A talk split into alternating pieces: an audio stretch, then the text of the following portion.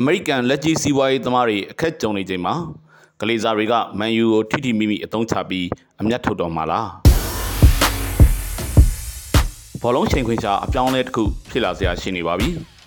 နိုင်ငံရေးအခြေအနေကိုသိချင်ရင်လက်ကြီးစီးပွားရေးသမားတွေဘာလို့နေတယ်လဲကိုသာကြည့်လိုက်အဖြေထွက်လာလိမ့်မယ်လို့ဆိုစမှတ်ရှိပါတယ်ကလေးစားမိသားစုဟာမန်ယူကိုရောင်းဖို့အတွက်ပြီးခဲ့တဲ့2022ခုနှစ်ကတည်းကစီစဉ်နေခဲ့ပါတယ် ကွာဖလားကာလာတုန်းကဆိုရင်ကာတာထိသွားရောက်ပြီးဂလေးစာညီကိုတွေကဝယ်လက်ချပွေခဲ့တာပါလက်ရှိမှာအမေရိကန်ဘဏ်တစ်ခုပြိုလဲသွားခဲ့ပါတယ်စီဝါရေးလှုပ်ခတ်မှုကိုဟန်ချက်ညီအောင်အများဆုံးဆောင်ရွက်ပြီးကမ္ဘာရွှေဈေးနဲ့ကမ္ဘာရေနံစိမ်းဈေးနှုန်းတွေကိုထိန်းချောင်းလိုက်နိုင်ပေမဲ့လက်ကြီးစီဝါရေးသမားတွေကတော့တချို့ယင်းနှိမ့်နှံမှုတွေကိုအမျက်နဲ့အနိုင်ပိုင်းမှုစိတ်ကူးရှိလာကြတာကိုမြင်တွေ့နေရပါတယ်အဲ့ဒီထဲမှာဂလေးစာညီကိုတွေလည်းပါဝင်လို့နေပါတယ် ဒါကြောင့်လဲအခုရက်တွေထဲမှာမန်ယူကိုရောင်းချမဲ့သတင်းတွေကလှုပ်ခတ်တဲ့လှုပ်ခတ်လာတာပါ။တေချာတစ်ခုကတော့အခုရက်ပိုင်းအတွင်းမှာပေါ်ထွက်နေတဲ့မန်ယူအသင်းပိုင်ရှင်သစ်ပေါ်ထွက်လာပြီဆိုတာကသတင်းအမှားတွေပါ။မန်ယူဟာရောင်းတော့ရောင်းပါလိမ့်မယ်။ဒါပေမဲ့လက်ရှိအချိန်အထိတော့ကလေးစားညီကိုတွေရဲ့ပိုင်ဆိုင်မှုအောက်မှာသာမန်ယူကရှိနေဆဲပဲဖြစ်ပါတယ်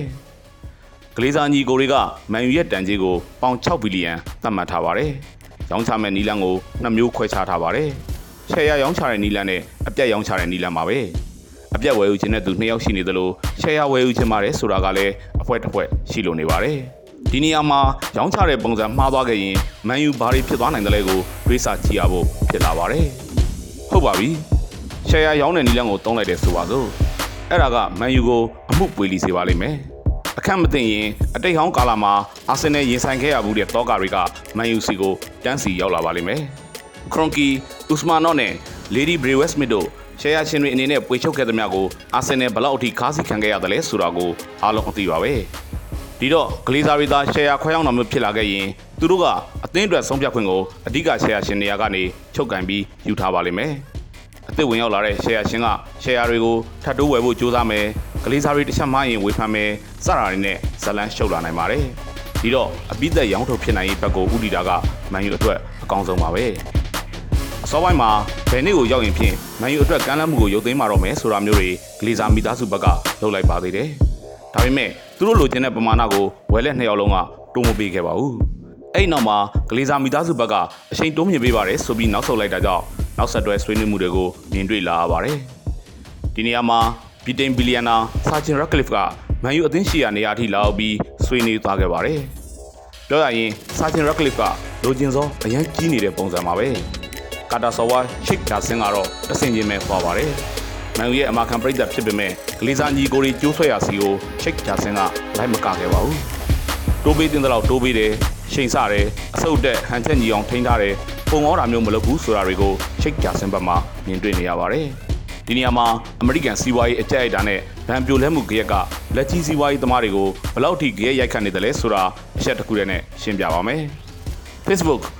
Instagram နဲ့ WhatsApp တို့ရဲ့မိခင်ကုမ္ပဏီ Meta ဟာပြီးခဲ့တဲ့ရက်ပိုင်းအတွင်းကဝန်ထမ်းတစ်သောင်းကိုယာရုယာနာပစ်လိုက်ပါတယ်။တကယ်တော့ဒါဟာ Meta ဘက်ကဒုတိယအသုတ်ဖြစ်ယာရုထုတ်ပယ်မှုပါပဲ။ပထမတစ်ကြိမ်ဝန်ထမ်းယာရုရပ်ဆိုင်မှုကို2022ခုနှစ်နိုဝင်ဘာလမှာ Meta ကလုပ်ခဲ့ပါသေးတယ်။အဲ့ဒီတုန်းကလည်းဝန်ထမ်းတစ်သောင်းကျော်ကိုယာရုရပ်ဆိုင်ခဲ့တာဖြစ်နေတော့တွက်စာကြည့်လိုက်ရင် Meta ကဝန်ထမ်းတစ်သောင်းကျော်ကိုယာရုရပ်ဆိုင်လိုက်တဲ့သဘောမျိုးဖြစ်နေပါတယ်။ နောက်ပြီးဝန်ထမ်း9000ပြန်ခန့်ပေးမယ်ဆိုတာကိုသူ့ဘက်ကအခုအထိအကောင့်ထဲမဖော်နိုင်သေးတဲ့အကြောင်းဇူကာဘက်ကလည်းထုတ်ဖော်ဝန်ခံထားပြီးပါပြီ။ဒီလောက်ဆိုရင်အမေရိကန်လက်ကြီးစီးပွားရေးသမားတွေခန်းစားနေရတဲ့စီးပွားရေးကြေးရိုက်ခတ်မှုတံကိုသဘောပေါက်နိုင်ပါလိမ့်မယ်။ဒါကြောင့်လဲဂလီစာညီကိုတွေက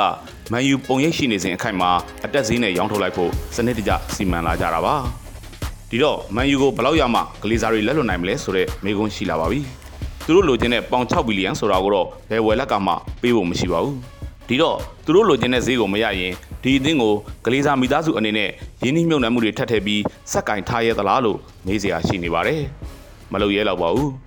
လုပ်ရင်လည်းအာဆင်နယ်ကိုခရွန်ကီလုပ်တယ်လို့ပဲဖြစ်လာပါလိမ့်မယ်အသင်းအတွက်ရင်းနှီးမြှုပ်နှံပေးတာကနည်းနည်းအသင်းရရှိတဲ့အမျက်ငွေမှန်သမျှသူ့အိတ်ထဲကောက်ထည့်တဲ့လမ်းစဉ်နောက်ကိုကလေးစားညီကိုတွေလိုက်လာနိုင်ပါတယ်အခုလဲအဲ့ဒီလမ်းကိုရှောက်စပြုနေပါပြီအမေရိကန်စီးပွားရေးခရဲအရာ မန်ယူအတွက်ထပ်တိုးရင်းနှီးမြှုပ်နှံမှုတွေထပ်ထည့်ဖို့ဆိုတာကလေးစားညီကိုတွေအတွက်ခေါင်းခဲစရာစိန်ခေါ်မှုပါပဲဒါကြောင့်လဲရောင်းထုတ်ဖို့ကိုအပူတပြင်းဆောင်ရွက်လာတာပါကလေးစားညီကိုတွေမန်ယူအတွက်ထပ်တိုးရင်းနှီးမြှုပ်နှံမှုလုပ်ရှင်စိတ်ဘယ်လောက်ရှိသေးတယ်လဲဆိုတာက Rashford ကိုစာချုပ်တွေချုပ်မဲ့ကိစ္စမှာရင်သိတာလွန်နေပါတယ်အဲ့ဒီမတိုင်ခင်ကတည်းကမန်ယူရဲ့လာစာပေးချေမှုစနစ်ကိုဂလီဇာတွေကကန့်သတ်လိုက်တာပါဘယ်လောက်ကောင်းတဲ့ကစားသမားဖြစ်ဖြစ် တပတ်လောက်ခလာစာကိုပေါင်3သိန်းထက်ပုံမပေးရဘူးလို့ဂလီဇာတွေကကန့်သတ်လိုက်တာဟာပြဿနာပေါင်းများစွာကိုမိခိုးကြွက်ချောက်ဖြစ်လာစေဖို့ရှိပါတယ်အသင်းမှာရှေ့စွမ်းပြနိုင်တဲ့ကျဲဝင်းကစားသမားတွေကအကျိုးခံစား권ပို့ပေးတဲ့နေရာစီပြောင်းတော့မှာဖြစ်တယ်လို့တကယ်ထိတန်းကစားသမားတွေကလည်းအဲ့လိုလာစာကန့်သတ်ချက်နဲ့ဆိုရင်မန်ယူကိုပြောင်းဖို့အတွက်အတော့ကိုစဉ်းစားတော့မှာပါ ပြန်ဘက်တွေအနေနဲ့ကလည်းမန်ယူနဲ့အပြိုင်ကစားသမားတစ်ယောက်ကိုခေါ်တော့မယ်ဆိုရင်မန်ယူဘက်ကဘောင်မကျော်နိုင်တဲ့လောက်ခလာစာကန့်သတ်ချက်တဲ့နည်းနည်းလောက်ပို့ပေးလိုက်တာနဲ့တပြိုင်နက်အဲ့ကစားသမားကိုရရှိသွားတော့မှာပဲဖြစ်ပါတယ်ဒီတော့အဲ့ဒီရှက်မှာရင်ဂလီဇာရီတာဆက်ရှိနေခဲ့ရင်မန်ယူအတွက်အကျိုးဆက်ရိုက်ခတ်မှုကဘာတွေဖြစ်လာနိုင်တယ်လဲဆိုတာတွက်ဆလို့ရနေပါပြီဂလီဇာရီဘက်ကစီးပွားရေးကရိုက်ခတ်မှုပြင်းထန်မလာခင်မှာမန်ယူကိုအတက်ဈေးနဲ့လွှတ်ချထားခြင်းခဲ့တဲ့တရုတ်တကန်ဟာလည်းအခုရက်ပိုင်းအတွင်းပြည်ပြင်းတစ်ထက်ပြည်ပြင်းတို့လာနေပါတယ်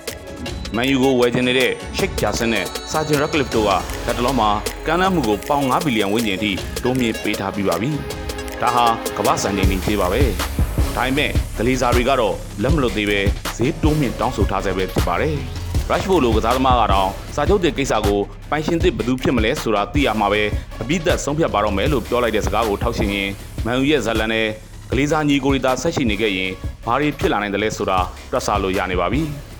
တေချာတာကတော့လက်တလုံးမှာမန်ယူကိုအပိသက်ရောင်းချတာရောရှယ်ယာခွဲထုတ်ရောင်းချတာပါမလုပ်ရသေးဘူးဆိုတာပါပဲ။တိကျသေးကြတဲ့အဖြစ်တစ်ခုထွက်ပေါ်လာဖို့ကအချိန်အနည်းငယ်ထပ်ဆောင်ရမယ့်သဘောရှိလို့နေပါတယ်။အမေရိကန်လက်ကြီးစီးပွားရေးသမားတွေဖြစ်တဲ့ဂလေးစာညီကိုတွေဟာမက်လောက်စရာအမျက်ငွေကိုအကြယူပြီးမန်ယူကိုပိုင်ရှင်သစ်လက်ထဲထိုးထည့်သွားလိမ့်မလားဆိုတာစောင့်ကြည့်ရတော့မှာပဲဖြစ်ပါတော့တယ်ခင်ဗျာ